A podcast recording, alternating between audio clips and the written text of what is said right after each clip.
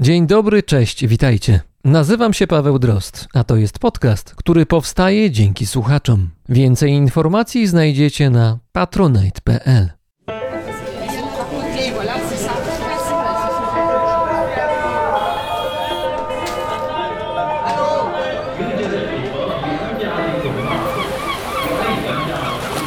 Brzmienie świata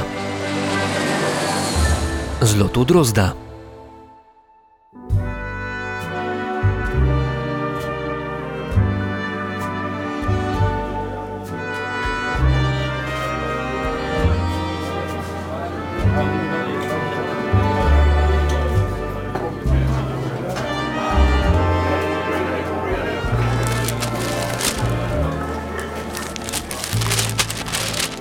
Mężczyzna czytał gazetę, a przynajmniej na takiego starał się wyglądać.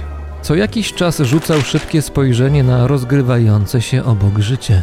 Siedział w jednej z reprezentacyjnych sal hotelu De Pierre. Ten 40-piętrowy budynek znajdował się na Manhattanie, przy Piątej Alei, z widokiem na południową część Central Parku. De Pierre mieścił w sobie ponad 700 pokoi, cieszył się opinią luksusowego i taki status utrzyma przez kolejne dziesięciolecia. Będą zatrzymywać się tu największe gwiazdy Hollywood i świata sztuki. Elizabeth Taylor, Audrey Hepburn czy Andy Warhol. Światowi dyktatorzy mody w hotelu organizować będą swoje najgłośniejsze prezentacje, a jedna z restauracji zostanie uwieczniona w filmie Zapach kobiety w pamiętnej scenie tańca z udziałem Ala Pacino. De Pierre przyciągnie do siebie największe nazwiska i największe pieniądze. Nieprzypadkowo w 1972 roku hotel ten stanie się celem głośnego napadu. Grupa złodziei wywodzących się z włoskiej mafii włamie się wtedy do skrytek gości w hotelowym skarbcu, zabierając ze sobą precjoza o wartości 3 milionów dolarów. Ojcem hotelu De Pierre był Charles Pierre Casalasco, korsykański imigrant, specjalizujący się w kuchni francuskiej najwyższych lotów. W trakcie pracy w renomowanych nowojorskich hotelach i restauracjach Charles Pierre nawiązywał kontakty z miejscową finansjerą. To dzięki ich pieniądzom w 1930 roku powstał hotel De Pierre. Jego pomysłodawca nie cieszył się nim długo. Wielka depresja lat 30. doprowadziła hotel do bankructwa i już dwa lata później De Pierre został sprzedany człowiekowi, na którego mężczyzna z gazetą zerkał właśnie ukradkiem. Był rok 1940.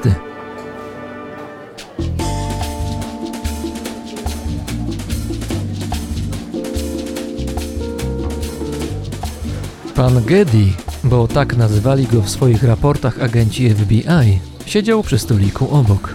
Pochmurna, marsowa mina, oszczędne ruchy i dość niedbały jak na bogacza strój. Nie był sam.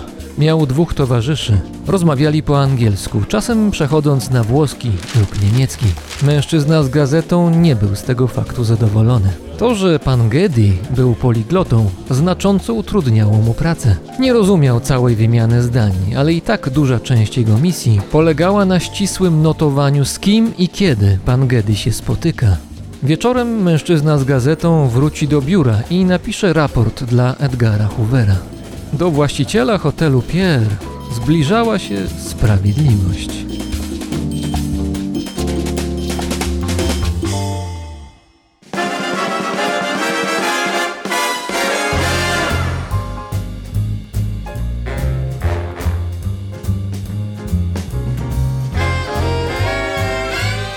Rodzina George'a Gettiego wywodziła się ze Szkocji. Żyłka do interesów sprawiła, że w pierwszych latach XX wieku był już człowiekiem bardzo majętnym, a to za sprawą prowadzonej przez siebie firmy zajmującej się wydobyciem oraz handlem ropą naftową i gazem.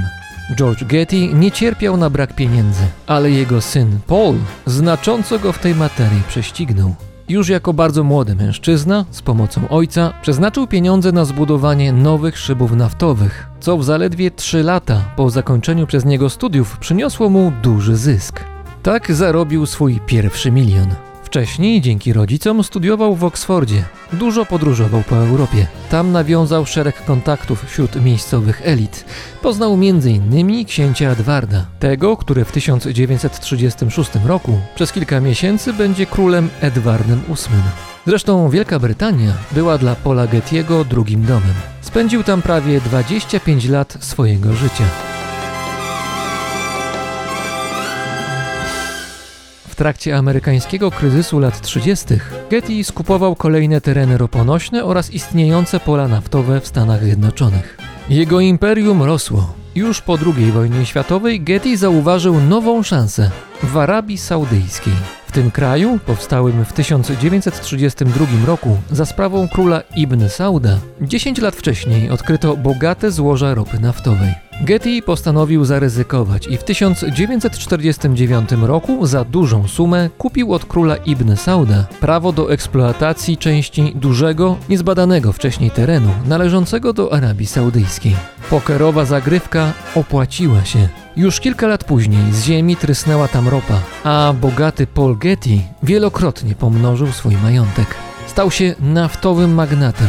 Wkrótce przeprowadził się do Wielkiej Brytanii, gdzie kupił liczącą kilkaset lat arystokratyczną posiadłość. Uchodził za człowieka bardzo oszczędnego lub, jak kto woli, za skąpca. W swoich włościach umieścił nawet budkę telefoniczną. Jak sam mówił, dzięki owej budce liczni odwiedzający go goście nie musieli narzucać się swojemu gospodarzowi, gdy chcieli gdzieś zadzwonić. Budka była płatna.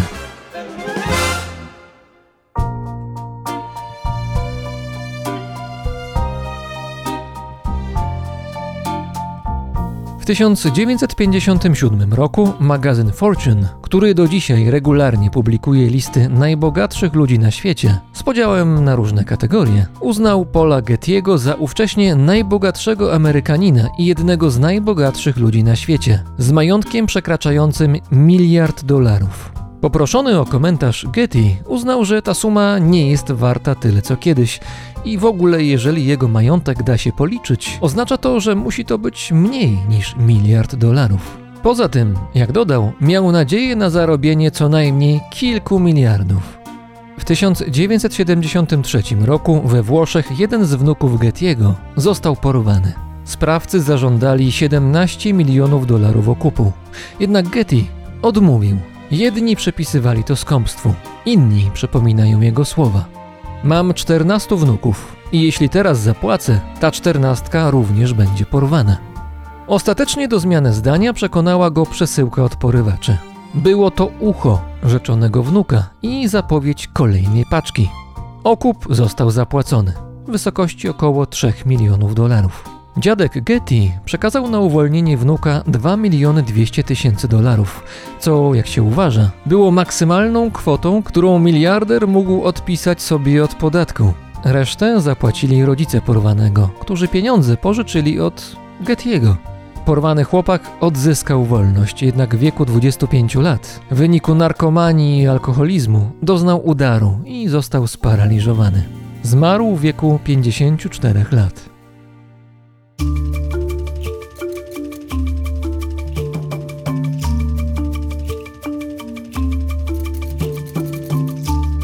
Paul Getty był aktywnym kolekcjonerem sztuki.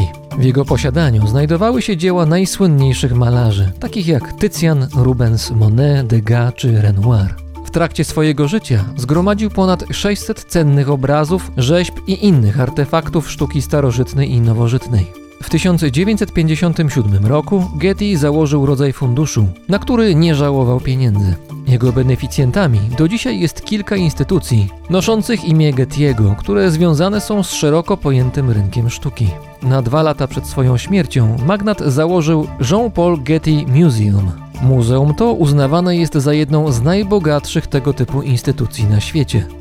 Postarał się o to sam Getty, który w spadku przekazał muzeum dużą część swojego majątku. Obecnie Jean-Paul Getty Museum w Los Angeles jest w posiadaniu imponującej kolekcji sztuki. Co roku przyciąga ona ponad milion turystów. Niewielu z nich wie o kontrowersjach związanych z niektórymi dziełami, których droga do muzeum nie zawsze była jasna. Zresztą nie były to jedyne kontrowersje związane z Polem Gettym.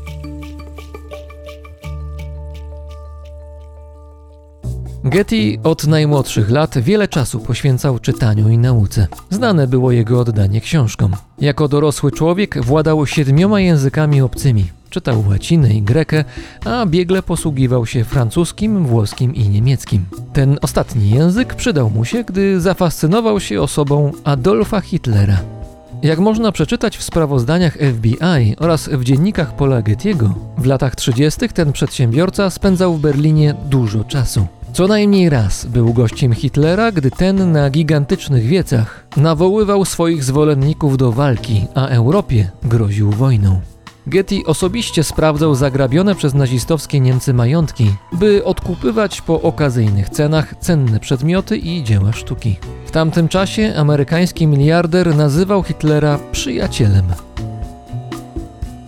W 1938 roku Getty kupił w Nowym Jorku na Manhattanie nową nieruchomość hotel De Pierre. W tymże hotelu naftowy magnat miał zwyczaj spotykać się ze swoimi współpracownikami i kontrahentami. Na początku II wojny światowej duża część z nich była Niemcami lub miała z Berlinem bliski kontakt. Z tego powodu hotel oraz jego bywalcy byli bacznie obserwowani przez amerykańskie i brytyjskie służby.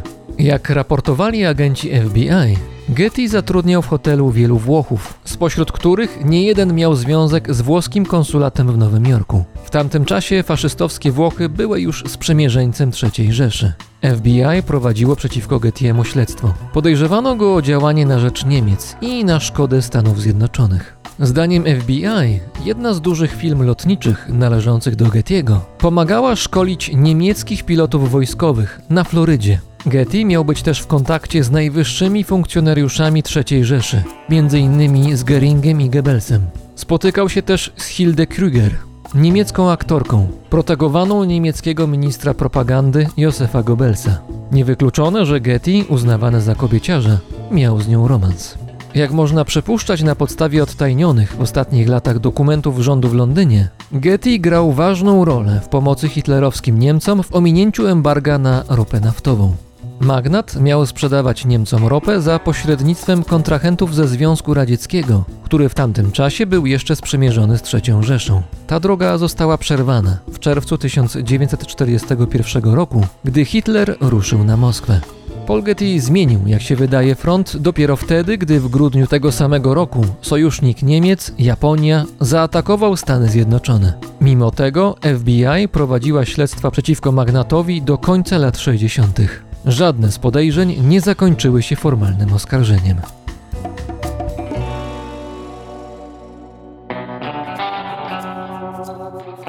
Paul Getty zmarł w 1976 roku w Anglii w wieku 83 lat. Był symbolem bogactwa i potęgi. W chwili śmierci był właścicielem blisko 200 koncernów, głównie związanych z przemysłem paliwowym. Jego majątek szacowano wtedy na 4 miliardy dolarów. Był pięciokrotnie żonaty. Jak pisał w publikowanych przez siebie artykułach i książkach, bycie miliarderem nie jest łatwe. Narzekał na niekończącą się kolejkę ludzi, którzy prosili o pieniądze. Ponoć miesięcznie dostawał 3000 listów od nieznajomych mu osób z prośbą o finansowe wsparcie. Uważał, że rozdawanie pieniędzy deprawuje ludzi. Narzekał również na poczucie osamotnienia, ponieważ miał przekonanie, że w jego otoczeniu nie ma przyjaciół, a jedynie ci, którzy zainteresowani są jego portfelem. Sam wolał być postrzegany jako biznesmen, a nie miliarder, ponieważ, jak powiedziała jedna z jego żon, bogactwo Gettiego nie było celem, ale skutkiem ubocznym jego pracy.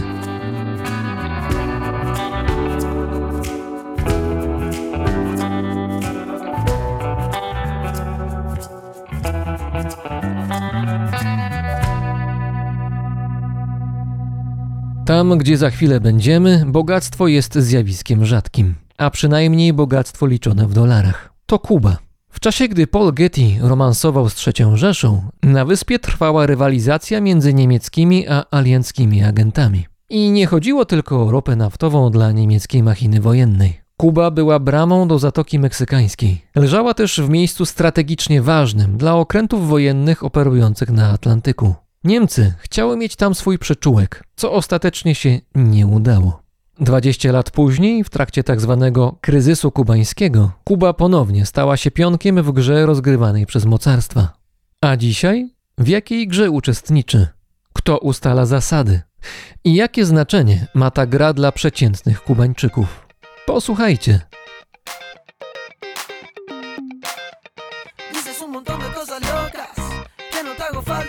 No no sé que hice alguna cosa mal, me pasé de copa, pero no me fui con otra. Dice que por mi venas no corre sangre azul. A ti te gusta el norte, a mí me gusta el sur, dime tú. ¿Te gusta el reggaetón o te gusta el rock and roll? Yo siempre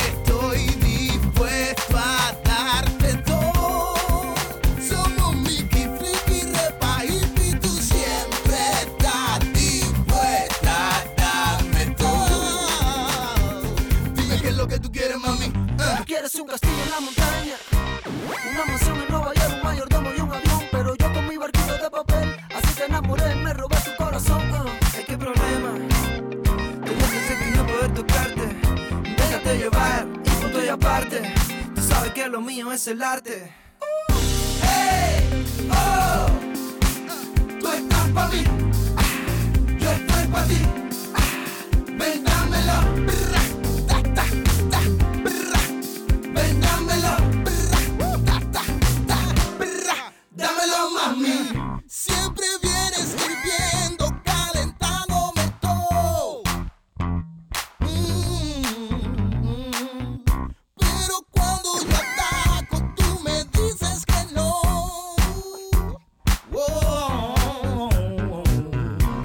relaja ya esa carne, déjame amarrarte a besos.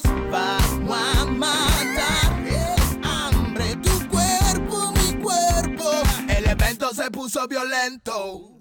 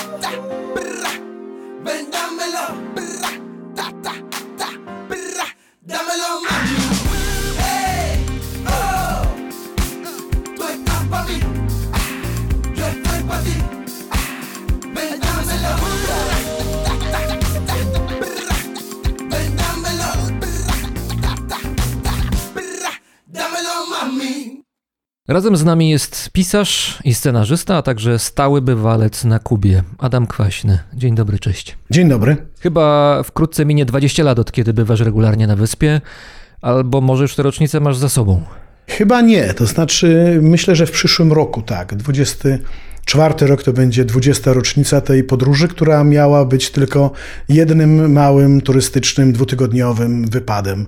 Ale jak mawiał jeden z wielkich poetów, zdarza się czasem tak, iż jedna podróż staje się całym życiem. To był przypadek, rozumiem, tak? To był przypadek. To była grupa przyjaciół, która wymyśliła sobie wyprawę na Kubę. Najpierw to była duża grupa, potem okazało się, że ta grupa się kurczy, bo trzeba zapłacić pieniądze, bo jest to daleko, bo w ogóle nie wiadomo o co chodzi. No i kiedy już ta grupa była całkiem nieduża, zaproponowano mi, żebym też pojechał. Nie byłem wcale skory do tego. Zajmowałem się wtedy średniowieczem, Hiszpanią.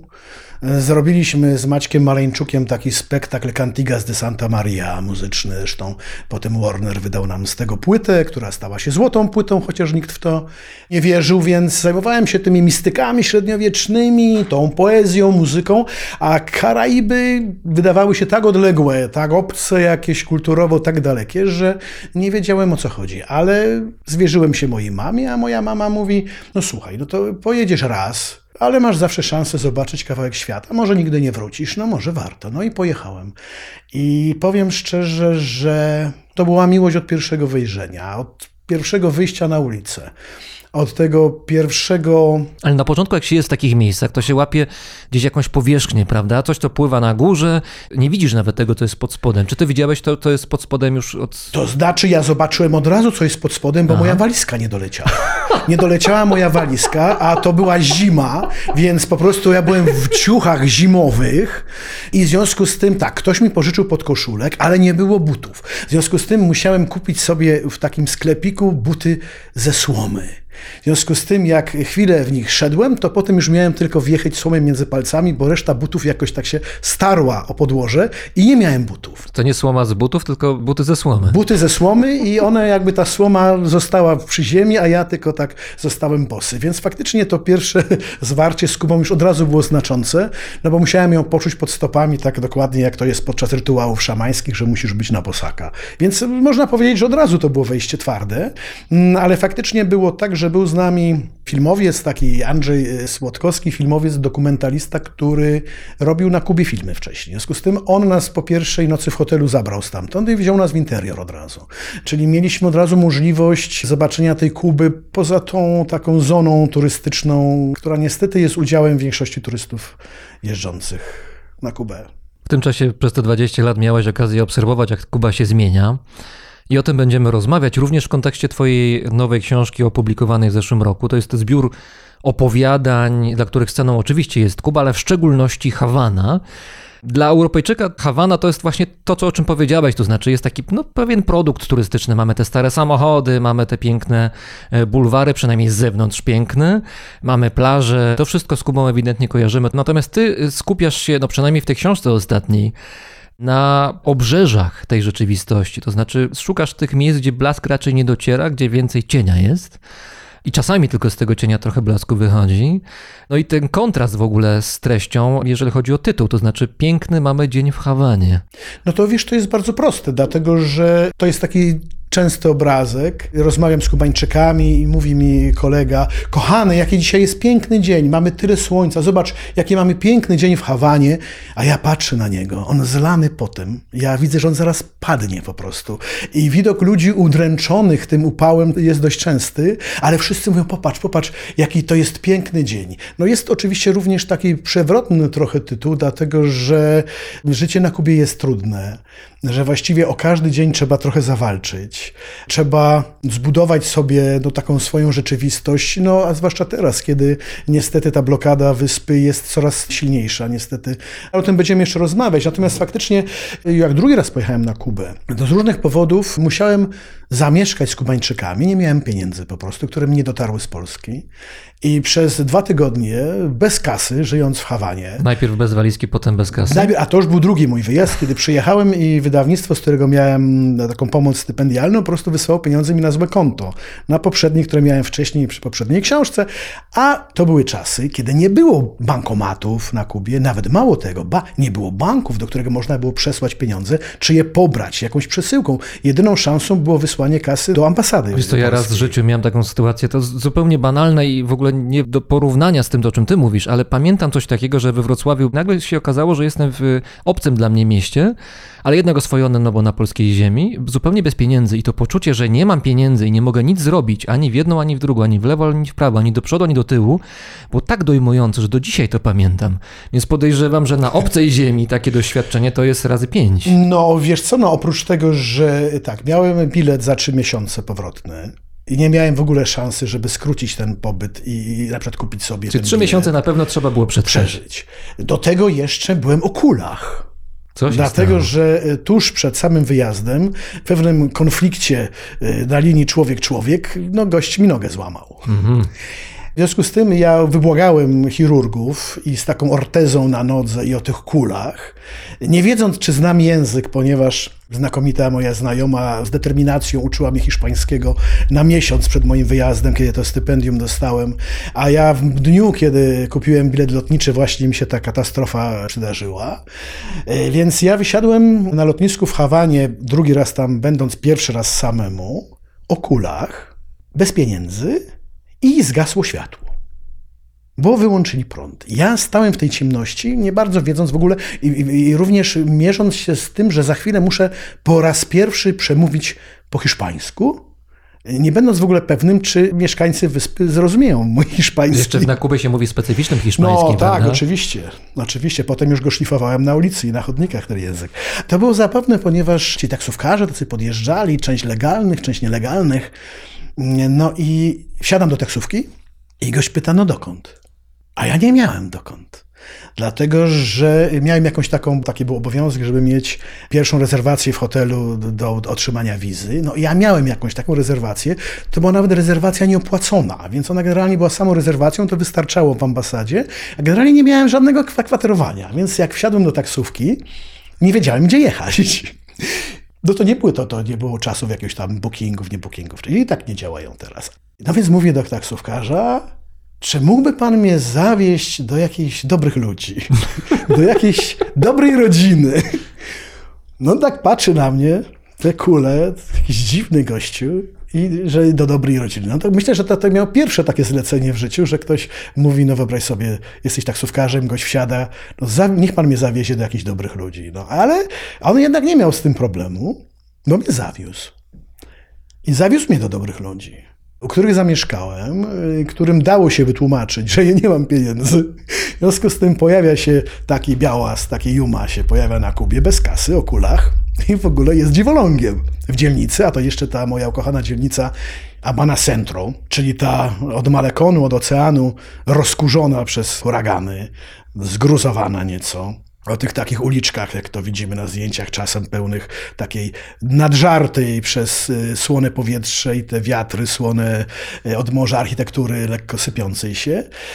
I Hawanę poznałem dlatego dobrze, że nie miałem kasy i musiałem żerować. Czyli musiałem o tych kulach wędrować daleko, daleko, szukając takich okienek, w których można było kupić na przykład chleb z masłem żeby przeżyć. No już skoro się zgodzili, żebym nie płacił za mieszkanie, no to już musiałem przynajmniej sam się wyżywić. Nie? Tak sobie wędrowałem po Hawanie, szukając razem z Kubańczykami, bo oni też szukali takich miejsc, gdzie jest Czy taniej. dołączyłeś do tej fali? Dołączyłem do grupy. Dołączyłem do ekipy, chcąc, nie chcąc. A jeszcze, że miałem kłopot z takim przemieszczaniem się, więc czasami wędrówka za tą, tą bułką z masłem, czy chlebem z masłem, czy taką jakąś pizzetą, pizzą maleńką, no to, to czasami była wyprawa dość daleko, nie? Ale już tam mnie po jakimś czasie rozpoznawano, częstowano mnie napojami, za które nie pobierano opłat. Więc to był teraz, jak patrzę, dużo serca mi okazali ci ludzie.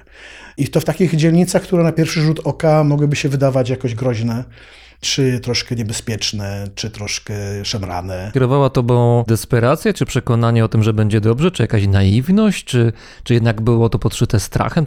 Co się w człowieku dzieje w takiej sytuacji? To są graniczne historie. Ale ja w ogóle nie czułem strachu. Ja myślę, że to oczywiście jest to jakaś kwestia naiwności.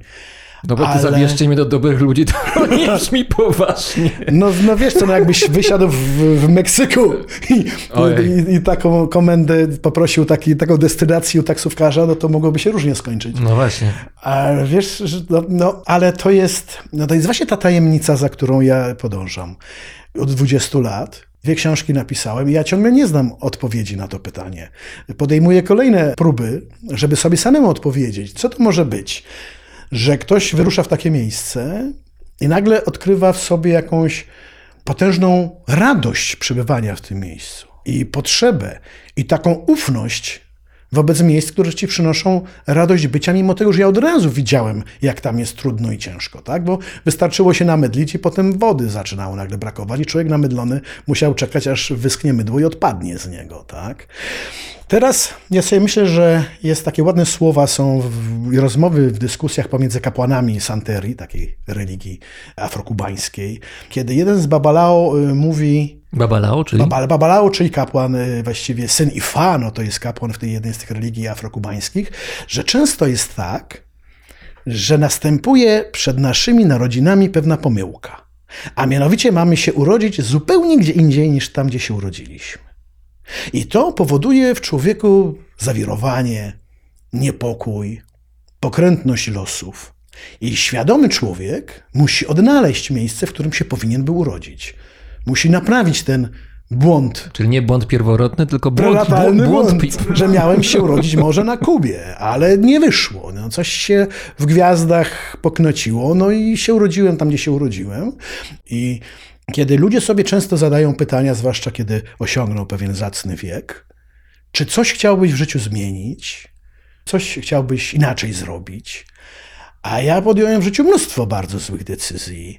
Gdybym podjął je zupełnie inaczej, może byłbym jeszcze w zupełnie innym miejscu, szalenie komfortowym niż jestem teraz, ale mogę powiedzieć, że niczego nie chciałbym zmienić. Właściwie każda z tych cegiełek wyjęta na jakimś etapie tej wędrówki, każdy kamyk usunięty spod stóp, by mnie skierował, no wiadomo, w zupełnie innym kierunku. A to był ten kierunek, do, do którego powinienem był, do którego musiałem dotrzeć, bo dla mnie się wiele tam otworzyło rzeczy, choćby pisanie. Gdzieś tam znalazłem swoją melodię, swoją frazę mm, językową i właściwie już nie potrafiłbym pisać chyba historii, może tak, ale, ale nie chcę, która dzieje się na przykład w Polsce. To jest piękny kraj, który ogromnie kocham, ale wszystkie moje historie się dzieją tam, więc tak jak mówię, to musiała być ogromna naiwność. To musiał być absolutny jakby blokada pewnej wyobraźni bo mogło zdarzyć się wiele rzeczy, ale równocześnie nic takiego się nie zdarzyło. No, nie okradziono mnie, chociaż było wiele takich sytuacji, że, że mogli mnie zupełnie, nie robiąc mi żadnej krzywdy, po prostu pozbawić mnie nawet tych drobnych zasobów, które posiadałem ze sobą, zupełnie bezkarnie. Nikt tego nie zrobił. To zaowocowało potem tym, że jednak poznałem parę osób, no, z którymi do dzisiaj się przyjaźnię, którym do dziś ufam i którzy są dla mnie taką rodziną kubańską. Wszedłeś w to środowisko jak w masło, to znaczy zostałeś zaakceptowany na dzień dobry? No to jest tak, że na szczęście y, człowiek biały, którego językiem naturalnym narodzin z urodzenia nie jest hiszpański, nie jest gringo na szczęście. Gringo to są tamci z, z dużego mocarstwa. My jesteśmy Yuma. To jest, y, narodziło się w momencie, kiedy taki był film 15-10 do Jumy, który był szalenie popularny również na Kubie i wtedy powstało określenie Juma. Więc taki Juma to jest taki człowiek biały, ale ja od razu poczułem ogromną ilość sympatii i oczywiście, że często wzbudzało lekkie politowanie, jakieś uśmiechy, ale one nie były nigdy szydercze, kiedy nawet uczyli mnie mówić, kiedy troszkę mnie delikatnie poprawiali, czy właściwie to było nie poprawianie, ale próba nauki tego, żebym mógł się fajnie tam porozumiewać w tym kubańskim języku, który faktycznie jest znacznie odmienny od tego tutaj europejskiego, hiszpańskiego. Więc wszedłem w to, ale jeszcze jest jedna bardzo ważna rzecz. Mianowicie Kuba jednak jest ciemna w dużej ilości. To są jednak potomkowie niewolników. To jest takie społeczeństwo, które jest ogromna ilość tej mieszanki etnicznej. Kuba to jest brama do Afryki. Ale dzięki temu, że to jest podszyte tą łacińskością, no tą Hiszpanią, tą dachówką rzymską, to nawet wejście w tą przestrzeń afrykańską jest zupełnie inna. Nie oglądasz przez szybę tej kultury, jak ja sobie wyobrażam, bo to oczywiście jest jakaś teraz moja zupełnie wyobraźnia, może to ty mnie tutaj prędzej mi poprawisz, albo wręcz napomnisz, ale myślę sobie, że czasami jadąc do krajów naprawdę odmiennych, nie wiem, w Azji, czy gdzieś, gdzie oglądamy te światy i niezwykłego wysiłku wymaga to, żeby wejść w tą kulturę, Nie ma łączników żadnych. żeby łącznik był. To jest prawdopodobnie takie bardzo trudne. Natomiast tutaj to jest. Do tego nawet stopnia, że turyści, którzy ze mną na Kubę jeżdżą, bo takie wyprawy nieduże robię, nagle przychodzi do mnie koleżanka czy kolega, mówi, ach, tutaj mam takich gospodarzy wspaniałych, no takie fajne rzeczy mi opowiadali. A ja pytam, no ale w jakim języku? No i następuje cisza, ponieważ y, ci moi przyjaciele nie wiedzą, w jakim języku rozmawiali z tym Kubańczykiem, ale wszystko zrozumieli. W twojej pierwszej książce już jej tytuł tutaj padł chyba Wszystkie przypadki Jorisa Manuela. Pięć lat temu? Przecież 17 Jakoś tak. Większość tych opowieści tam była zawieszona jakoś między światem a zaświatem. Tym razem tutaj, w tej najnowszej książce, czyli Piękny mamy dzień w Hawanie, przede wszystkim jesteś na ziemi, to znaczy jest to boleśnie umocowane Tak, w Hawanie. gruncie hawańskim. Czym są solary? Ha, to są ogromne kamienice.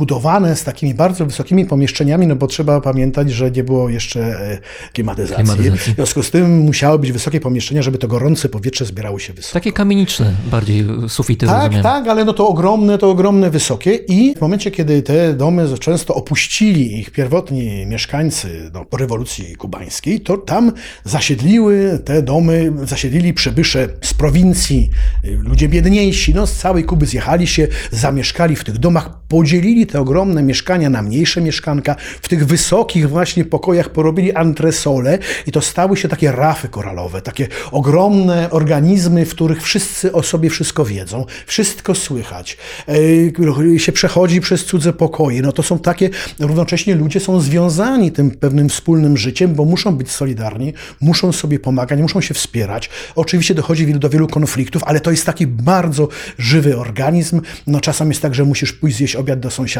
na śniadanie jego zapraszasz, ale co ciekawe, zapytał mnie kiedyś kolega, który spędził w Hawanie na placówce dyplomatycznej dość długi czas.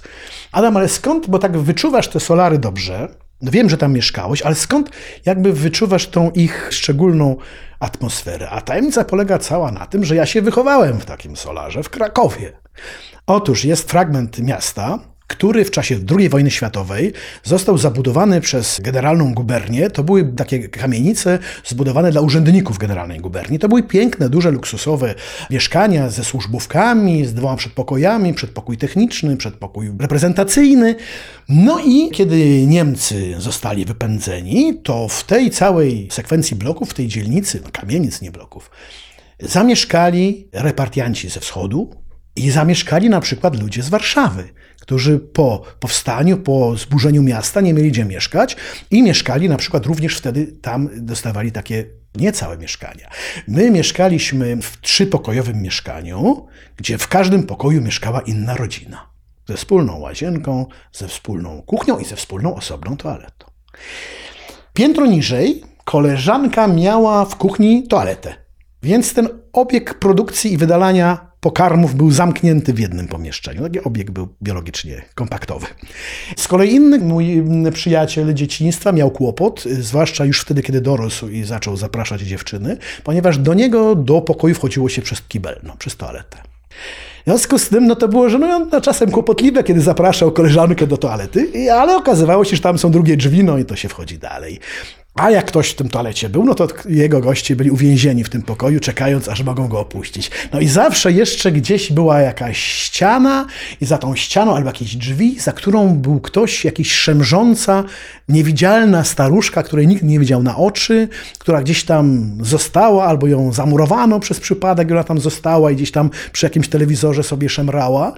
Tak te domy wyglądały. Dopiero potem nam gdzieś tam rozparcelowano, ale przez długi czas, ja, więc ja się wychowałem troszkę w takim solarze. No, życie w Hawanie jest na zewnątrz, je widać, czuć. Tam się tyle dzieje, bo albo wodę włączą, albo wodę włączą, albo wyłączą prąd, albo włączą prąd. I to są wydarzenia, bo trzeba iść do sklepu, idziesz kupić kurczaka a kupiłeś wafelki, bo nie było kurczaka, ale były wafelki. Nie szkodzi, wafelki też ok.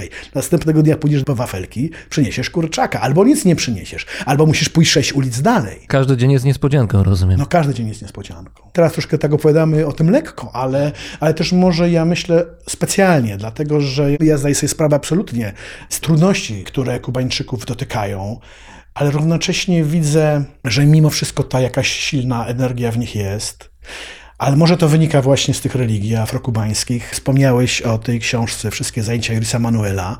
To jest właśnie opowieść o Santerio Palomonte, o tych takich dwóch religiach na Kubie, które są głównymi religiami, bo katolików jest 2% na Kubie.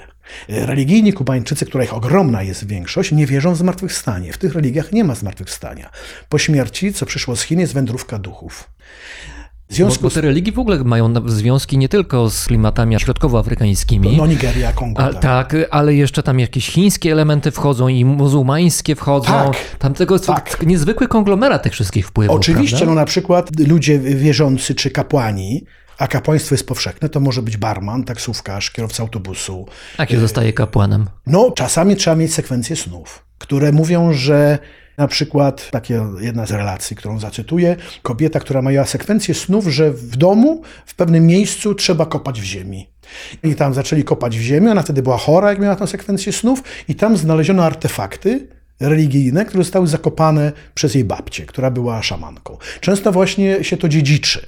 Często jest to pewna predyspozycja związana z pewnymi wizjami, potem się przechodzi pewne inicjacje, trzeba się bardzo też kształcić, żeby znać zasady i reguły, bo to nie jest spisane, ale tak naprawdę to sąsiedzi, to ulica czyni cię kapłanem, bo jeżeli mają do ciebie szacunek, mają do ciebie zaufanie, to do ciebie przychodzą, tak? Na konsultacje, na porady, to są często tacy jakby terapeuci, to są lekarze pierwszego kontaktu, ale nie wolno im leczyć, wysyłają do lekarza.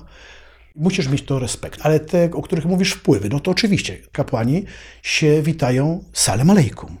Ale kiedy już napisali do mnie list i powitali mnie salam alejkum, to zobaczyłem, że to już jest przekształcone, tak jest afrykanizowane, bo zapisują sala maleku. Poza tym Chińczycy. No Chińczycy pojawili się w XIX wieku. Najpierw jako pracownicy na plantację, ponieważ plantatorzy obawiali się już czarnoskórych niewolników, którzy czasem potrafili dać w kości, się zbuntować i mieli dość, więc sprowadzali zakontraktowanych Chińczyków, których traktowali podobnie. A potem druga fala była, kiedy skończono budować kolej w Stanach Zjednoczonych. I te rzesze bezrobotnych Chińczyków Szukali lądow- nowego tak, zajęcia. świata. Mhm. I na przykład jest, no jest Bariocino, jest dzielnica chińska.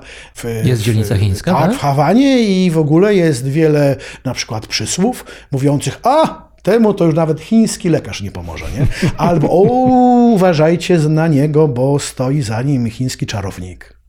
Więc ci Chińczycy, zresztą w ogóle jak się na ulicy idzie, to się często słyszy, jak nawołują się. Chino! Chińczyk, chodź tu, nie? Bo tam tak mówią. Hej, gruby, chudy, ślepy, chodź, kulawy.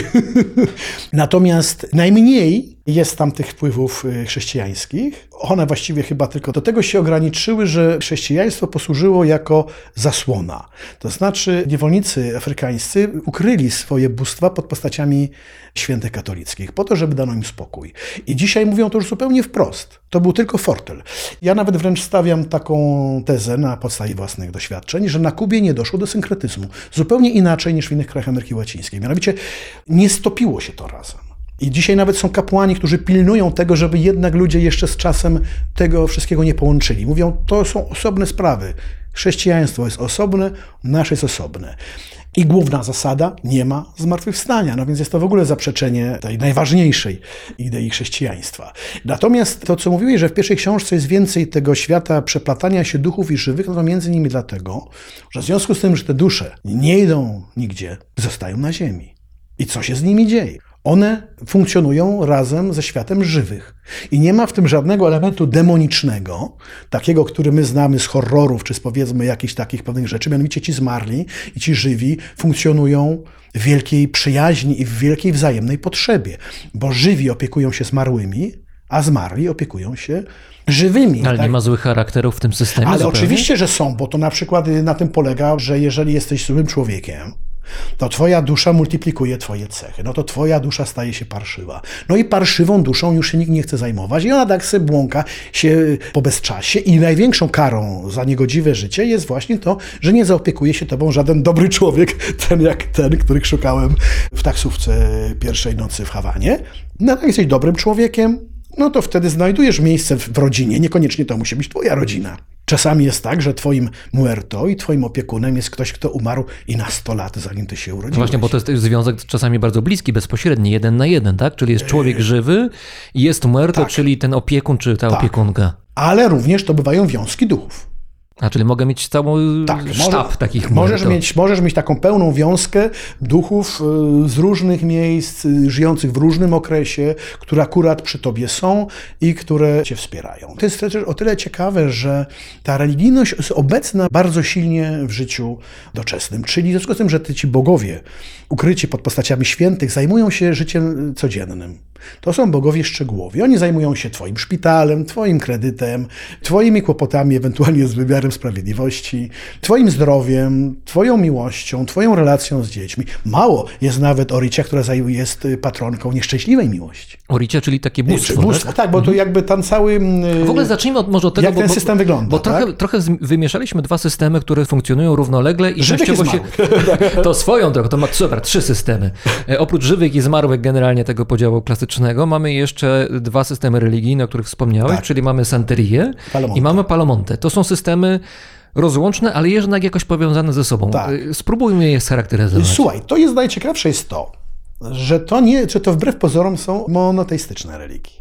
No, ale to powiedziałeś, że jeden- są oricia, czyli są różne. Ale jest właśnie, na tym polega cały paradoks, że jest stwórca Olofi, Olorun, który jest kreatorem świata. On jest tą czystą energią, a Cie się ta energia nazywa, i tą energię tchnął w świat, ale nie kontaktuje się z tym światem.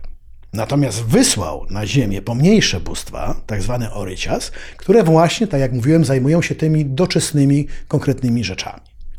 I na przykład jest taki Ogun, który jest patronem kowali i wojowników, ale wojowników niekoniecznie takich, co idą walczyć z bagnetem gdzieś w okopach, ale czasami my sami musimy walczyć z różnymi historiami, ale nie tylko zewnętrznie, ale czasami musimy walczyć z czymś, co jest w nas. Jest na przykład Ociun, ukryta pod postacią Matki Boskiej od Miedzi, która jest orisią zajmującą się seksualnością kobiet, macierzyństwem, czułością, emocją.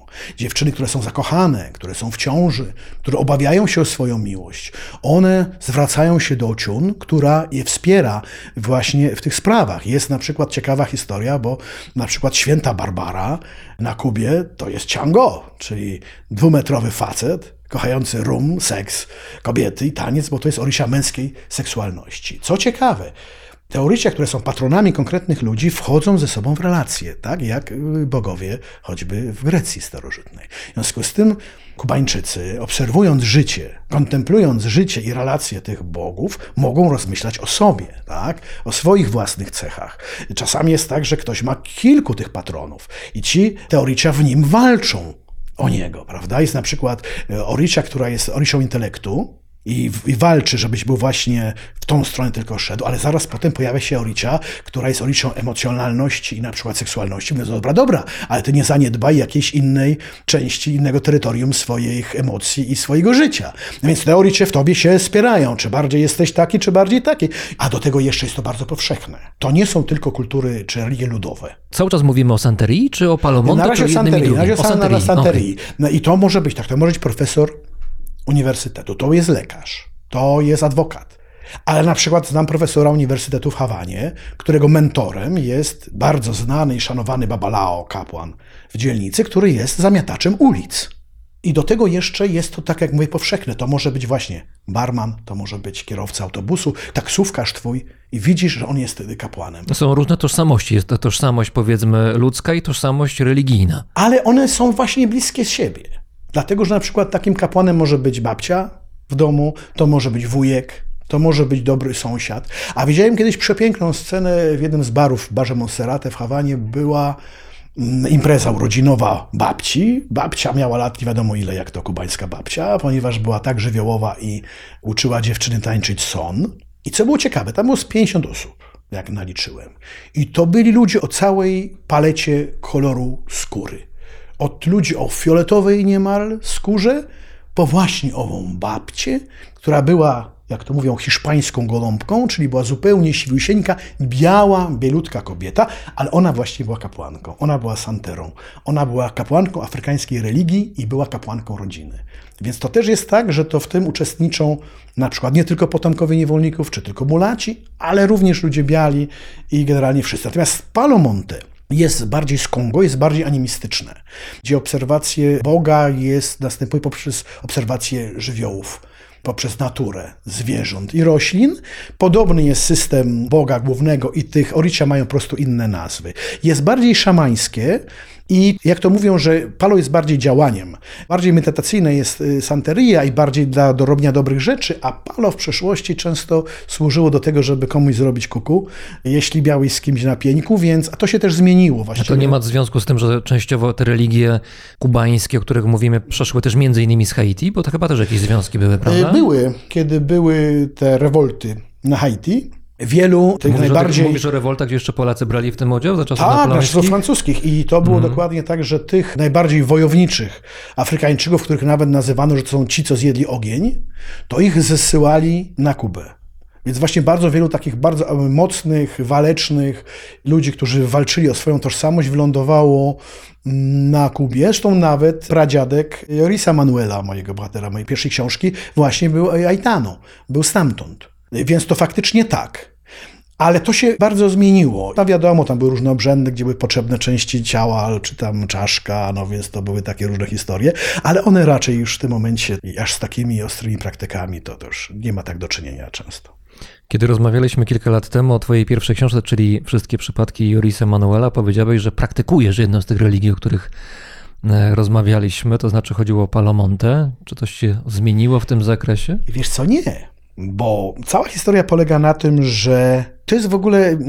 Ja też teraz pracuję nad taką nową rzeczą, która również będzie opowieścią o tej wędrówce, bo to ja sam przecież naprawdę chciałbym się w końcu zorientować, tak jak na początku naszej rozmowy mm, o tym wspominaliśmy, co co chodzi, co się wydarzyło. No bo to jest szaleństwo. Jestem sfokusowany na tym miejscu, ciągle jeżdżę, mówią ludzie, no ale już tam byłeś tyle razy, tą samą trasę robisz tyle razy, ale to nie szkodzi, bo, bo ja ciągle nie wiem i, i, i za każdym razem jadąc dowiaduję się nowych rzeczy, nowych rzeczy, nowych rzeczy. Czasami jest to jedno zdarzenie i wiem, że przyjechałem tutaj dokładnie po to jedno zdarzenie. Ale na przykład to, co mi najbardziej utkwiło i otwarło mi pewną drogę, to są słowa już nieżyjącego Babalao Tito z Trinidadu de Cuba, który powiedział mi, wiesz Adam, bo to jest trochę tak, że każdy musi znaleźć swoją drogę takiego szamaństwa, szamanizmu, kapłaństwa czy praktyki. I twoją praktyką jest twoje pisanie i twoje opowiadanie historii. I nie chodzi o to, żebyś ty w Krakowie w ogródku u siebie zagryzał kurczaka po prostu i odprawiał rytuały, bo... Z czaszką. Z czaszką, ale, ale żebyś prowadził tą swoją historię, bo słowa jednak przenikają. I to mi też fajnie ustawiło, że to jest moja forma praktykowania tego wszystkiego, co przynoszą mi Orisha, zwłaszcza, że ja widzę działanie tych energii, tych bóstw, mimo tego, że sam jestem wychowany na Wolterze, na Diderocie, na Anatolu Francie, na Emilu Zoli i absolutnie na nieduchowej i takiej osobnej sprawie. No mój tato był Rzymianinem mentalnym, który uważał, że filozofia jest najważniejsza dla człowieka, a w bogów to tam sobie wierzą różni woziciele wody, dostarczyciele wody i nawet bywało tak, że szliśmy na przykład, ja byłem mały, idziemy i jest jakaś msza, kościół i tata mówił, popatrz synku, ja tam miałem 7 lat, 6, popatrz synku, czary odprawiają. Więc, więc ja miałem takie przygotowanie absolutnie poza tymi strefami, ale to, co zobaczyłem na Kubie, też ciągle nie wiem o co chodzi, ale wiem, że są światy, które się przenikają. I ja przez długi czas nie byłem nawet w stanie wejść w też na przykład y, kwestia transu, tak? czyli takiego stanu, w którym łączysz się ze zmarłymi, czy łączysz się z, z orisiami. Ja przez lat jeździłem tam lata i w ogóle nic takiego nie mogło mi się przydarzyć. A już na przykład przydarzało się turystom, których zawoziłem. No naprawdę dwie osoby były w transie, w odlocie, bez żadnych używek, po prostu coś głębokiego zdarzyło się, a ja ciągle na to nie było to możliwe, wręcz moja żona śmiała się ze mnie i mówiła mi, no co, żal ci, nie? Zazdrościsz im. Jeździsz tam któryś rok i nic, a tu gościu pojechał, po prostu skorpo się urwał na wakacje i 40 minut białka do góry i leci. Aż tak, to wygląda? Oczywiście. Weszliśmy do domu, gdzie po prostu był obrzęd. Nie zdążyliśmy nawet cygar odpalić, nie mówiąc o tym, że tam w ogóle nie było żadnych innych używek, nawet alkoholu. Ja patrzę, a tu białka do góry, łuki padaczkowe i jedzie koleżka. Ja wpadłem w panikę, że mój turysta oszalał i zaraz będzie coś tam, a Kubańczycy mówią, nie, nie, nie, wszystko jest okej, okay, wszystko jest dobrze. Dlatego, że on, i to jest tajemnica, on robił wszystko to, co trzeba robić podczas takiego transu, bo to nie jest taniec świętego Wita, to ma swój ryt, rytuał. On dokładnie jak, jakby się w tym urodził, jakby to widział. Pełzł do ołtarza wtedy, kiedy trzeba. Wszystko robił tak jak Kubańczycy. Jak, jak to pełzł do ołtarza? No bo to są różne takie figury i czasami taka historia, że on jest taki ołtarz przygotowany dla tej orici konkretnej, czy dla zmarłego, dla którego to się obchodzi i tam wtedy on się tam rzuca na ziemię, na przykład przed tym ołtarzem i, i tam to jest taki rodzaj jakby pokłonu, czy łączenia się z tymi duchami. On wszystko robił, to co robił. No to taki zestaw z mojej perspektywy, mhm. jakbym patrzył na to z zewnątrz jako obserwator, taki zestaw figur teatralnych, które muszą no być nie, wykonane. One nie do końca, znaczy to jest, one są, ale one są nieświadome. To wszystko on robił jako Kubańczycy i on skąd on o tym wiedział. Potwierdziło mi się to w innej sytuacji, kiedy była ze mną znajoma, już teraz się przyjaźnimy, byliśmy na takim obrzędzie i była z nami inna koleżanka, która nagle dostała napadu płaczu. No takiego głębokiego, podobno każdy w życiu ma raz taki napad płaczu, takiego, że aż tak płacze, aż od butów płacze, aż po czubek głowy. I ona dostała takiego ataku płaczu i wtedy Kubańczycy przerwali obrzęd, bo oni nie znali tej reakcji. Z kolei oni się przeraźnili, że Juma im zwariowała i zaraz policja wpadnie, co tu się dzieje. I ja musiałem wytłumaczyć im, że my inaczej reagujemy emocjonalnie na pewne rzeczy. Oni wtedy podjęli z powrotem rytuał. W związku z tym, gdyby ten kolega również robił coś, co byłoby jakby poza tą przestrzenią, to by przerwali. Ale to, co mówisz o figurach, to fakt, ponieważ byłem na takim obrzędzie jednym, gdzie nie przyszedł żaden zmarły.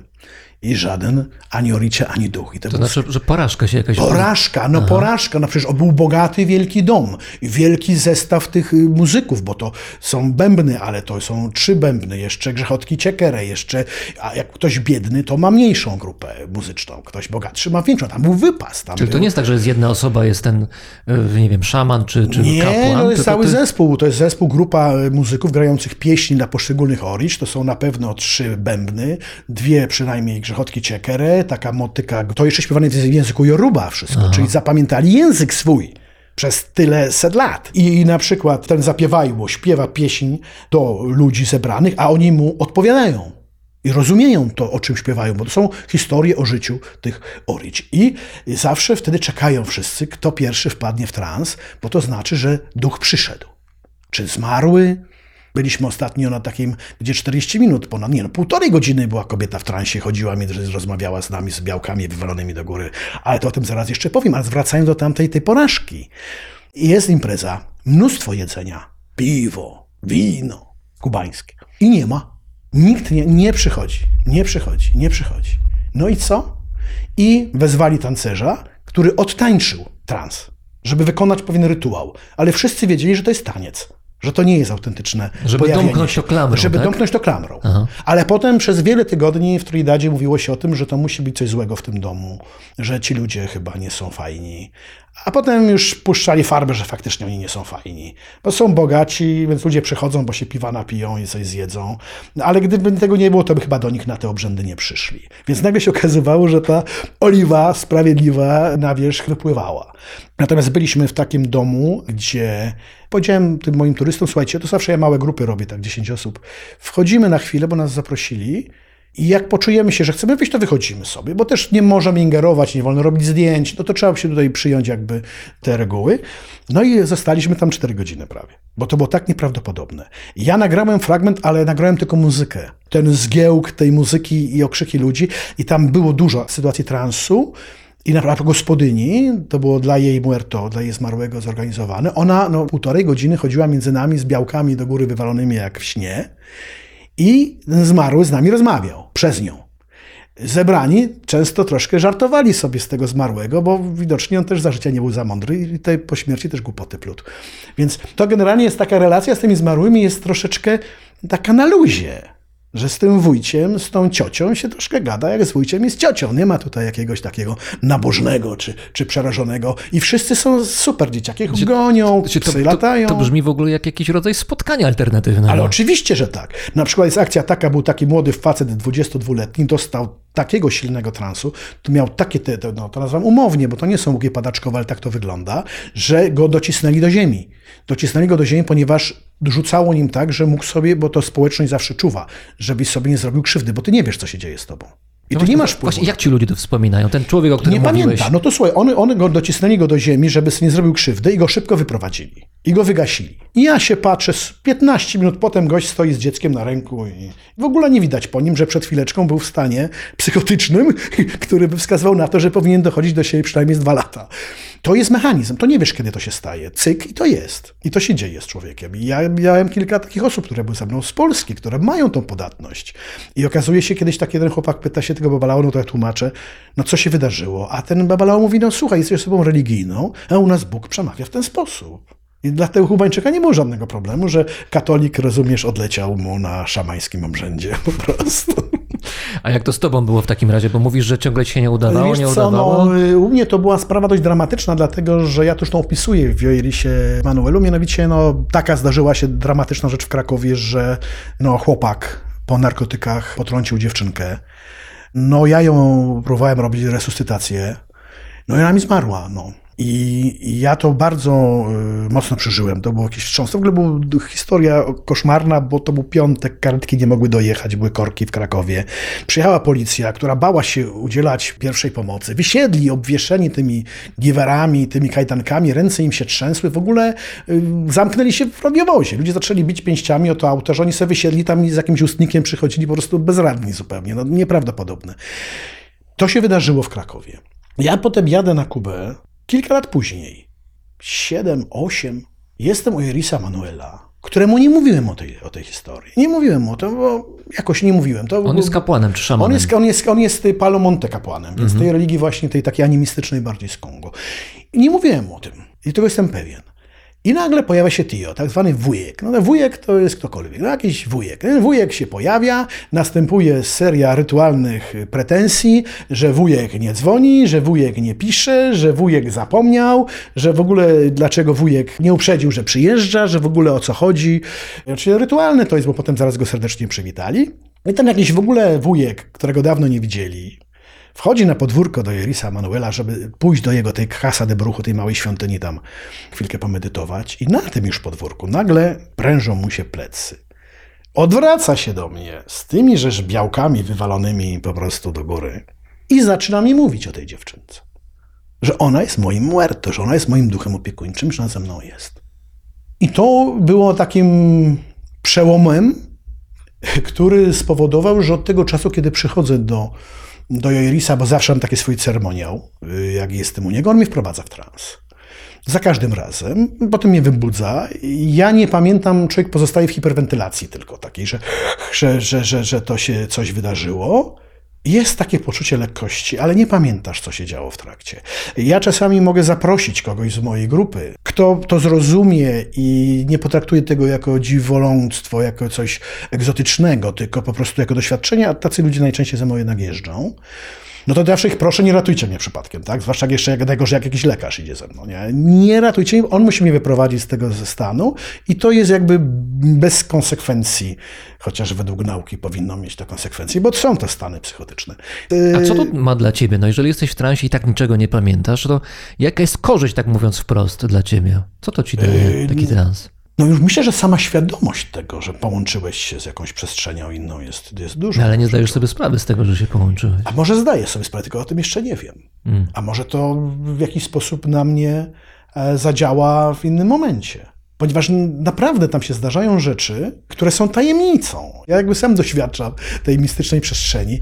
Coś tam się takiego dziwnego dzieje. Już nie mówiąc o tym na przykład, że to mam takie historie często z moimi przyjaciółmi, jak jeżdżę do Baracoa jeździmy. To jest na wschodzie Kuby, to jest taka miejscowość za górami, odcięta od reszty Kuby. Do niedawna w ogóle tylko statkiem tam dopłynąć można było. I tam dotarł Kolumb. Tam odbyła się ta największa y, rzeź Indian, przerażająca, którą Bartolomeo de las Casas opisuje w swoim szkicu, w swoim raporcie, w swojej skardze do króla Hiszpanii, żeby coś zrobić z tymi bandytami, którzy mordują, po prostu wyniszczają wyspę.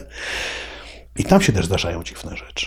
I na przykład ludziom mówią mi, już nawet się już oswoją z tym i jesteśmy już, wyjechaliśmy stamtąd tydzień później, mówią, Adam, ale tam coś się działo. Tam ja widziałem jakieś osoby, tam były jakieś duchy, no mówiąc wprost. Były u mnie w pokoju, stały mi pod oknem, no widziałem człowieka. I po prostu może ta energia tej krzywdy, nie wiadomo co, no słuchajcie, no, no no to jest, to jest, jest jakaś tajemnica i dla mnie to jest fascynujące. I jeszcze jedno jest ważne, bo jest taki jakby system rytualnych powitań kapłanów, nie? Jak oni widzą na przykład, że ja mam te koraliki na ręce. A masz y, teraz te czerwono, zielono, żółte. tak, i jeszcze czarne, czyli które świadczą o, o konkretnych oriczach, które się opiekują. I Kubańczycy są zaskoczeni, że taka juma, coś. No bo zrozumiesz, że to można czytać, tak, te koraliki? Tak, on wie, Aha. co to oznacza, bo to są konkretne oricze, on wie, co to znaczy. Ale teraz pytanie, czy to, to co to, on taki juma to se kupił na targu, czy co, nie? W dewocjonaliach gdzieś. I wtedy na przykład podchodzi do mnie i mówi salam alejkum. A muszę odpowiedzieć, alejkum salam. A on mówi, kisi malongo. Ja odpowiadam, malongo jaja. On pyta, panga? No panga. Ja panga. I dalej, dalej to trwa. To wytłumacz, o- o czym- o czym był ten dialog? No de salam salam, no to wiadomo. I na przykład tak, jesteśmy razem czy nie jesteśmy? Wróg czy przyjaciel? Somos no somos? Somos. Jesteśmy czy nie jesteśmy? Jesteśmy. Ale na końcu, después Dios Santa Barbara Bendita, że po Bogu święta Barbara najważniejsza, ale na końcu jest najważniejsze. No veo No creo. Nie widzę, nie wierzę. Więc jakby w tamtej mistycznej przestrzeni, gdzie coś ma polegać na wierze, musi mieć namacalny albo taki podatny dla wzroku dowód. Czyli dowód jest ważnym czymś, to, Oczywiście. tego się nie wstydzimy, nie unikamy tego, Nie, dowód musi być. Nowe ono creo. Jak nie widzę, nie wierzę. Praktyczne bardzo podejście. No tak, dokładnie tak. Więc to wymieszanie y, życia doczesnego i tych obecności, no ołtarzyki w domach. To wszystko A ty tam masz w jest. Krakowie ołtarzy? No ja mam Elegua swojego. Elegua to, to jest, jest? Elegua to jest oricia, która otwiera drogi, otwiera możliwości, kreuje przestrzenie, ale jest też dzieckiem, jest też świrem. Więc dobrze, że mam drugą oricię. Obatale. Obatala z kolei jest y, głową inteligencji, rozsądku. Więc ona tego Elegua zalep trzyma i tam go po głowie bije, ty nie świruj, tak? A ten znowu jej mówi, ale ty nudna jesteś. I one tak sobie Czyli rozmawiają. dwa żywioły. Dwa żywioły, wiesz, i, i w tym nie ma absolutnie żadnego braku szacunku do tych oricz. I to często też jak tancerze, którzy tańczą te tańce, które opowiadają legendy, te pataki z legendy o oriciach, no takiego często podczas pokazów nawet dla turystów, to zda, bardzo tak się czasami zdarza, że oni wychodzą na początku z widowni, spośród widzów, w swoich normalnych, tak zwanych cywilnych strojach i tańczą pierwszy taniec, żeby pokazać, że oni są tacy jak my, że bogowie są dokładnie z nas, tacy jak my. Te same namiętności nimi targają, te same relacje, mają takie same nauczki w życiu i oni dopiero potem przebierają się w stroje, które już symbolizują w swoich kolorach i kształcie konkretne orisia i te tańczą, tańczą tańce. Ale pierwszy właśnie jest jakby, że oni są z nas. W związku z tym ta bliskość tej religii, ci bogowie nie są tak odlegli i tak nieludzcy w swoim jakimś, w swojej doskonałości. To tutaj zawsze mi przychodzi na myśl takie genialne hasło Łodzi Kaliskiej, takiej grupy artystycznej Łódź Kaliska, taki wywiesili kiedyś transparent Bóg zazdrości nam pomyłek. I, e, i, I tam właśnie Ładne. nie musimy zazdrościć. Ci bogowie nie muszą nam zazdrościć pomyłek, ponieważ sami je popełniają. No chwała tym, którzy się na nich uczą.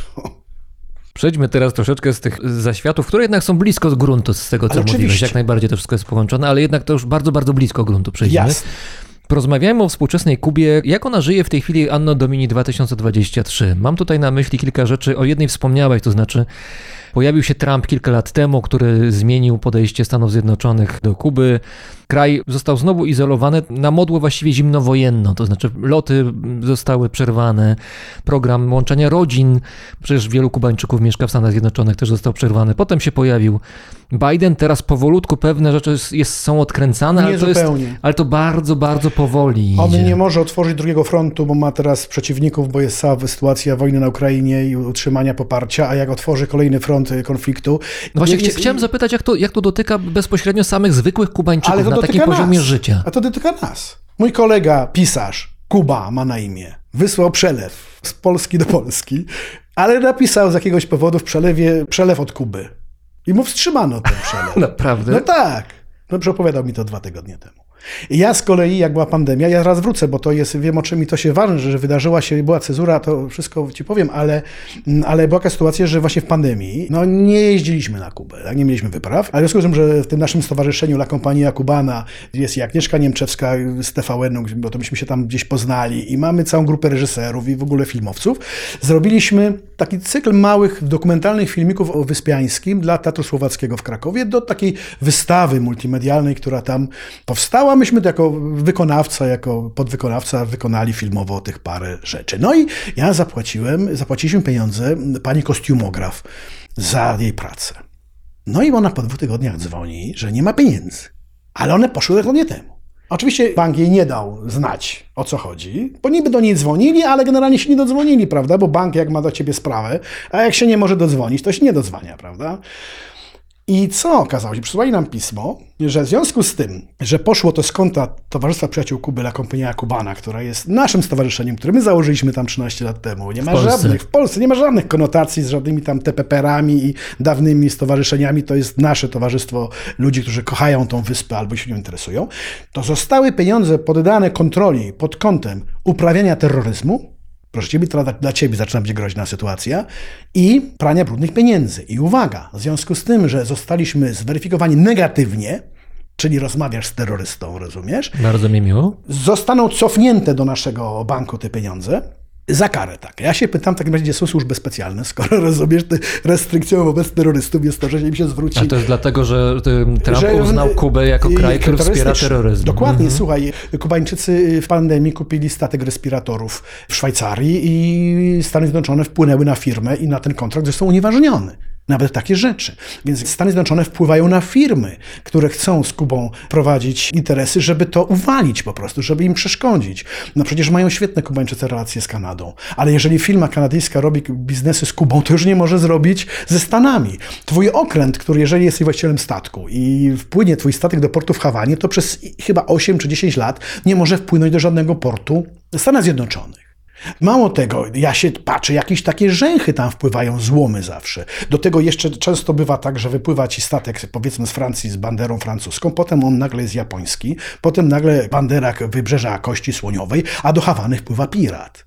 Ponieważ firmy zacierają ślady, kto z Kubą po prostu handluje. A przecież była względna normalizacja za Obamy, prawda? Nie, no to były w dwie, ogóle- dwie ambasady, po latach wreszcie ambasada powstała w tak. Hawanie amerykańska Tak, i było- coś się zaczęło dziać, prawda? Ale potem wszystko wróciło Ale to było przede wszystkim, to było rewelacja, ponieważ to była jakaś taka ogromna nadzieja. Mhm. po obu stronach chyba Po obu nawet, nie? stronach, dlatego że zaczęły być możliwe inwestycje. Nagle zaczęły te hosteliki być większe. Przypływały te wielkie statki turystyczne z tymi Amerykanami, którzy z daleka ich rozpoznaje się po prostu na ulicy, którzy się cudownie zachowywali, dawali ogromne napiwki. No oni naprawdę troszeczkę zawstydzili Europejczyków skąpych, bo po prostu, którzy tam skąpią. A, a dla Kuby turystyka ważna jest, prawda? No ważna, no, no ważna, ale wiesz, to jest, rozumiesz, jest knajpa, gdzie grają ci muzycy do koszyczka, no to ci Europejczyk tak jak euro wrzuci jedno czy dwa, to już go wąż, wiesz, pożera wewnętrzny, a ci Amerykanie dawali, wiesz, napiwki duże, bo to jest taka kultura. Im się wydawało, że skoro ktoś dla nich gra przez półtorej godziny i jeszcze fajnie gra, to znaczy, że on nie robi tego dla przyjemności. Dla przyjemności może również, ale też jest zawodowcem, nie? No więc i to wszystko było kapitalne, zwłaszcza, że i społeczeństwa też nie mają, bo to jest w ogóle jak czeski Cieszyn i polski Cieszyn. No, dwa kraje blisko siebie, gdzie ta emigracja w Diaspora Stanach... kubańska jest olbrzymia przecież Ale, na ale Florydzie. ona nie jest tylko porewolucyjna, ona jest również Oczywiście, wcześniejsza. No, oczywiście, przecież że to, tak. I to wszystko było naprawdę na kapitalnej drodze, a przecież tylko kontakty zbliżają ludzi i łamią różnego rodzaju bariery i nieufności. No i nagle przyszedł gościu i zamknął z dnia na dzień to wszystko. I, I te restrykcje są naprawdę poważne. A to jest wyspa, no nie da się przywieźć kawy z NRD. Wylatywałem z Kuby jednym z ostatnich samolotów przed wybuchem pandemii zamknięcia wyspy. Kuba przed pandemią, tam oprócz tego, że faktycznie się bogacono, były pieniądze, to oprócz tego wiało grozą. Dlatego, że po Hawanie, po Trinidadzie pędziły tłumy ludzi w poszukiwaniu Wi-Fi. Dlatego, że rzeczą najbardziej pożądaną i taką, po którą się na Kubę przyjeżdża, jest Wi-Fi. To były tłumy obłąkane, które nie wiedziały, gdzie są, które nie wiedziały w ogóle, po co tu przyjechały. Przykład Trinidad de Cuba. Tam są takie już schody kultowe. Trinidad de. Cuba, czyli to jest środkowo-południowa część Tak, Kuby. to jest w ogóle miasto kolonialne w Ameryce I Łacińskiej. tam się toczy akcja twojej pierwszej książki Też głównie. książki to jest miasto, z którego Hernan Cortez wyruszył podbijać Meksyk. On tak nakręcił wszystkich kolesi w Trinidadzie, że wsiedli na okręty, odpłynęli i tylko kobiety i dzieci zostały w mieście. Więc miasto jest przepiękne, pełne właśnie i tych kapłanów, i szamanizm, szamanizmu, no bo tam był ten targ niewolników właściwie największy w tej części Kuby. I tam są te schody, na których codziennie grają zespoły muzyczne, tańczy się, w ogóle jest super. No, często są gorsze, lepsze koncerty, ale naprawdę tam co noc się tańczy. Ale to było już taki wesołe miasteczko. W knajpach muzycy znali tylko muzykę z Buenavisty. No bo inżynier, który jedzie mamoń e, na Kubę, no chce posłuchać tych piosenek, które zna. W związku z tym, jak poprosiło się w knajpie, żeby zagrali ci Silvio Rodrigueza, czy Polo Montanesa, czy jakichś innych, to już nic nie znali, znali tylko to. I Kubańczycy chcieli, żeby turyści dostali to, czego pragną. Czyli Kuba zaczęła się zmieniać w wyobrażenie turystów i w pragnienie turystów. A wiadomo, turyści, którzy zapłacą za wyjazd, chcą tego, czego pragną. Muszą otrzymać to, za co zapłacili, prawda? Oni nie jadą tam, żeby zobaczyć wyspę, poznać Chodzi jej zwyczaje. tylko- potwierdzenie wyobrażeń. tak, oni chcą mieć te wyobrażenia. No więc to, co było tam, już było tak nieznośne, tego to były takie tłumy, że ja już naprawdę myślałem o tym, że jak następny raz tu wrócę, to, to zbiorę jakąś specjalną ekipę i gdzieś uciekniemy w jakieś góry albo w jakieś bardziej niedostępne miejsca, bo po prostu tam już nie da, to było nieznośne. I w tym momencie to tak już nabrzmiało, no to nie chodzi tylko o Kubę, ale chyba o cały świat, że ten świat powiedział stop. Korona ewolucji, nagle siedziała w domu, w gaciach i ubierała się w, tylko w krawat do konferencji z pracodawcą i w koszulę. bez- Mówisz o pandemii teraz. Mówię o pandemii. Ale co się wydarzyło? Bo to jest ważne. Pandemia zatrzymała Kubę, zatrzymała tą turystykę. Kubańczycy dwie szczepionki wymyślili, że mają w ogóle świetny instytut technologii jakichś biologicznych, który produkuje leki znakomite i uznane na świecie. Zrobili świetne dwie szczepionki, które mieli nadzieję, że sprzedadzą je biedniejszym krajom. No, bardzo skuteczne, że wyszczepili chyba ze 100% ludzi. Natomiast no, oczywiście wiadomo, że te blokady, również które blokują te ich pomysły, no to im zablokowano, że też to się tego nie Tu udało. mówisz o sankcjach amerykańskich No sankcje, teraz. no ale to Mhm. są sankcje, które wpływają na wszystkich, na wszystkie Jasne. firmy. I ja potem byłem zaraz po otwarciu wyspy. Ta turystyka się jakby załamała. Ale co się wydarzyło? Knajpy, w których byli tylko turyści, nagle są Kubańczycy. Bo mądrzejsi restauratorzy ob- obniżyli ceny i nastawili się na rynek lokalny. Muzycy w knajpach przypomnieli sobie Silvio Rodrigueza, Polo Montañesa i muzykę kubańską, bo taką trzeba grać Kubańczykom. Więc z jednej strony jakby Kubańczycy troszkę odzyskali, no ja wiem, że to, jest, to co mówię teraz jest w ogóle okropne, bo, bo ci ludzie potracili kasy, no, bo, bo to jest, oni pozamykali pokoje, część hoteli musiała się zamknąć, tych hosteli oni nie mogli płacić podatków, więc to jest, to jest klęska, katastrofa. Ale z drugiej strony im groziła również taka jakaś, y, no takie ludożerstwo. No, tam przyjechali ludożercy, żeby ich zjeść. To była konkretna taka konkwista, żeby ich pożreć, zabrać im to, co mają, ale jeszcze tak najbardziej to złoto, y, którego nie znaleziono na, na Kubie i dlatego Kolumb zaczął porywać ludzi. Więc, yy, Czyli jakieś więc oczyszczenie nastąpiło. Nastąpiło oczyszczenie niewątpliwie. Ja mam nadzieję, że się będzie odbudowywać, ale mam nadzieję, że to się będzie odbudowywać już zupełnie w inny sposób. Dojrzał ten czas, żeby zaczęto zdejmować te restrykcje. To jest wyspa objęta najbardziej brutalnymi i długimi restrykcjami na świecie. Przecież to nie jest kraj, który by siał To dla 60., prawda? no tak, jest to ciągle bardzo bezpieczny kraj. Ja naprawdę w piątek wieczorem w Hawanie czuję się bezpieczniej często niż w piątek wieczorem na Kazimierzu Krakowskim. no, że doświadczenie w szukaniu dobrych ludzi to już wiemy. No to wiemy, ale, ale to ciągle jest bezpieczny kraj. Państwo, które jednak jeszcze jakoś funkcjonuje, gdzie jednak gangi narkotykowe inne, które w wielu biednych krajach, gdzie ludzie szukają innego zarobku niż ten, który daje im normalna struktura gospodarcza, powstają, tam ciągle tego jeszcze nie ma. Więc kraj, który, y, który jest stabilny jakoś. No dobrze, ale do tego miodu to ja trochę dziegciu dorzucę. No, No ja mamy, z Dziegdziu to możesz dorzucić ciężarówkę. Mamy, wiesz. mamy lipiec 2021 roku, Tak. wielkie protesty, wielkie od, od lat, nie wiem, od 30 lat prawie, tak. gdzie co najmniej pół tysiąca ludzi wylądowało, jak się szacuje, w więzieniach. Tak, Ktoś chyba nawet co najmniej jedna osoba zginęła podczas tych protestów, protesty antyrządowe. Te protesty Tak. były faktem. Od, były faktem oczywiście, ale tu też trzeba mówić o różnych etapach, które są na Kubie, prawda? Bo to jest pytanie, czy kraj, w którym był najpierw kolonializm, niewolnictwo, Potem ten okres za czasów Batisty, Machado, gdzie to w ogóle było gangsteryzmo. Hawana bogaciła się na y, przemycie alkoholu. No kto o Ojcach Chrzestnego drugiego odcinek To widział? nie było tak, że było różowo przed Fidelem, No to prawda? było przerażające wszystko. Fidel i ekipa to byli kubańscy nacjonaliści, którzy zrobili rewolucję. Dopiero potem pojawiły się te wszystkie elementy związane z Rosją, z komuną i tu można by wiele gadać. Na szczęście jest trochę już faj- fajnych książek po polsku przez Polaków napisane.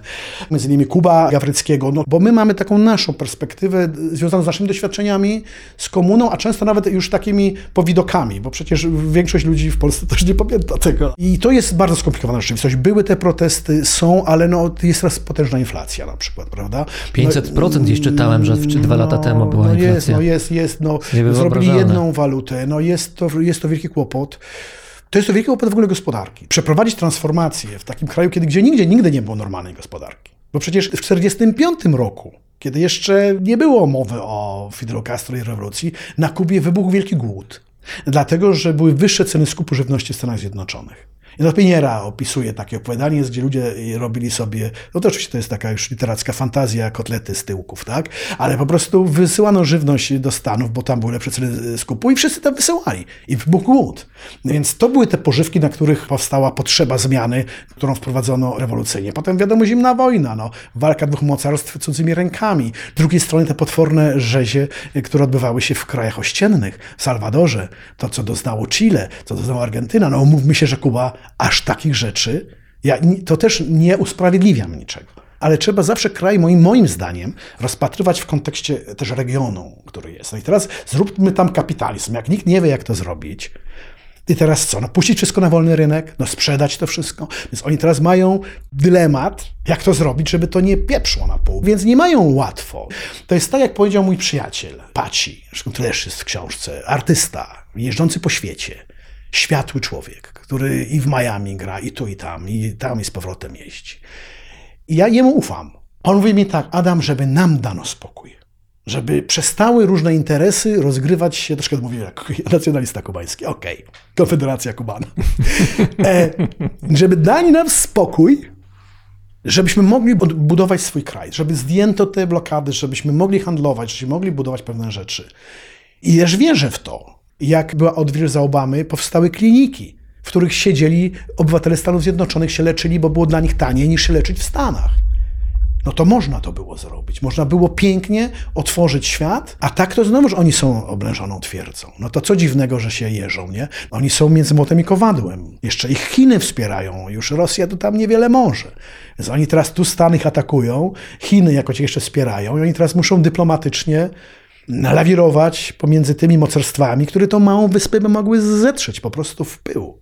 To jeszcze na koniec powiedz, dlaczego co chwilę słychać jakieś niskie buczenie podczas niektórych twoich fragmentów, które piękne tło daje, czasami podnosi wagę tego, co tam mówisz. mamy tutaj podziemne pociągi. No mamy. właśnie, to powiedz. No jesteśmy w Domu Literatury tutaj, koło zaraz Zamku Królewskiego. To jest miejsce, które pisarze odbudowali z własnych pieniędzy, odbudowali po wojnie, po to, żeby to było miejsce dla no, pisarzy, którzy z całej Polski mogą sobie tutaj przyjechać, mieć na przykład niedrogo pokój, ale też jest tu sala, gdzie są różne wydarzenia artystyczne i tutaj mają siedzibę związki e, pisarskie i Pen Klub jest, i Związek Pisarzy Polskich i tutaj też takie były głosy, że Unia Literacka, więc i Stowarzyszenie Pisarzy Polskich i takie ważne miejsce, mam nadzieję, że będzie rozkwitało i teraz nowe czasy nadchodzą.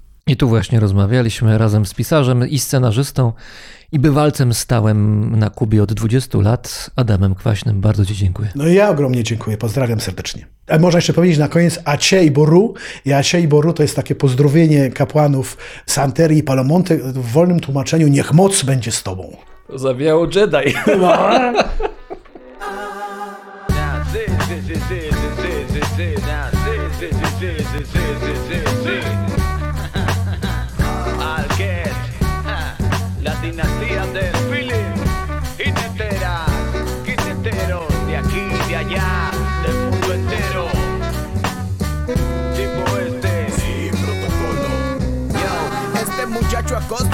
A salir cada mañana a tratar de encontrar una desesperada, una extranjera de esas necesitada de sexo. Uh, calidad garantizada. Él es un chamaco fácil que domina idioma, calentico pa' cualquier madama. Y ese día se puso la bota, tuvo suerte, encontró lo que buscaba finalmente. Urgente y sin tanto protocolo, fueron al hotel y el de estupio todo su poro. Luego, bueno, hizo todo el paripé, de qué bien la pasé, ¿te gustó nene? Oh, please. A base muela le tumbó a la yuma Un pantalón y 30 se use nuestra moneda dura El pula se despidió y se fue Llegó a su casa feliz diciéndose seguro que me llamará otra vez Y yo no sé qué es lo que piensas tú. Yo no sé. La perspectiva para mí es eterna. ¿Qué piensas tú? Al final de todo, ¿Qué crees? ver. Oye, ¿quién jinetea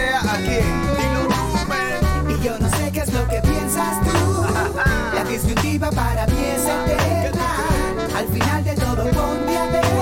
¿Quién quiere quién Esta señora acostumbraba a salir cada mañana de su hotel para ver si se encontraba un joven exótico que la exorcizara. Tenía poco tiempo aquí en La Habana, una semana nada más. ¿Cómo te llamas? Preguntó el muchacho. My name is Ana. Pues ya, me lo llevo para el hotel, me lo despacho y le daré, no sé, un pantalón y 30 pesos. Luego me regreso a mi país cantando y relajada. If you don't know, now you know, you know. Y yo no sé qué es lo que piensas tú. ¿Qué tú crees? La disyuntiva para mí es eterna. ¿Qué piensas tú? Al final de todo, ponte Yo no sé.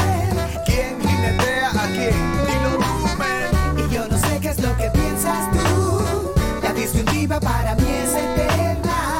Al final de todo ponte a ver quién quiere quién más. Pa' que entiendas la movida, todo no es blanco y negro en la vida. Te doy otra perspectiva. Pa' que no juzgues así a la deriva. Suena, suena.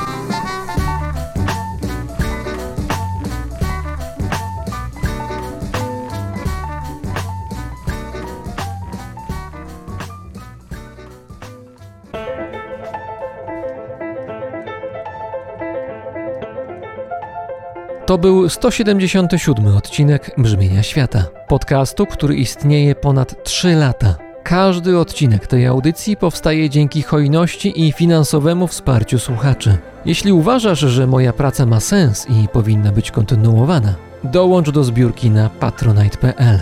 Dziękuję za każdą wpłatę. Dziękuję również światoczułemu patronowi Brzmienia Świata, firmie Ergo Ubezpieczenia Podróży.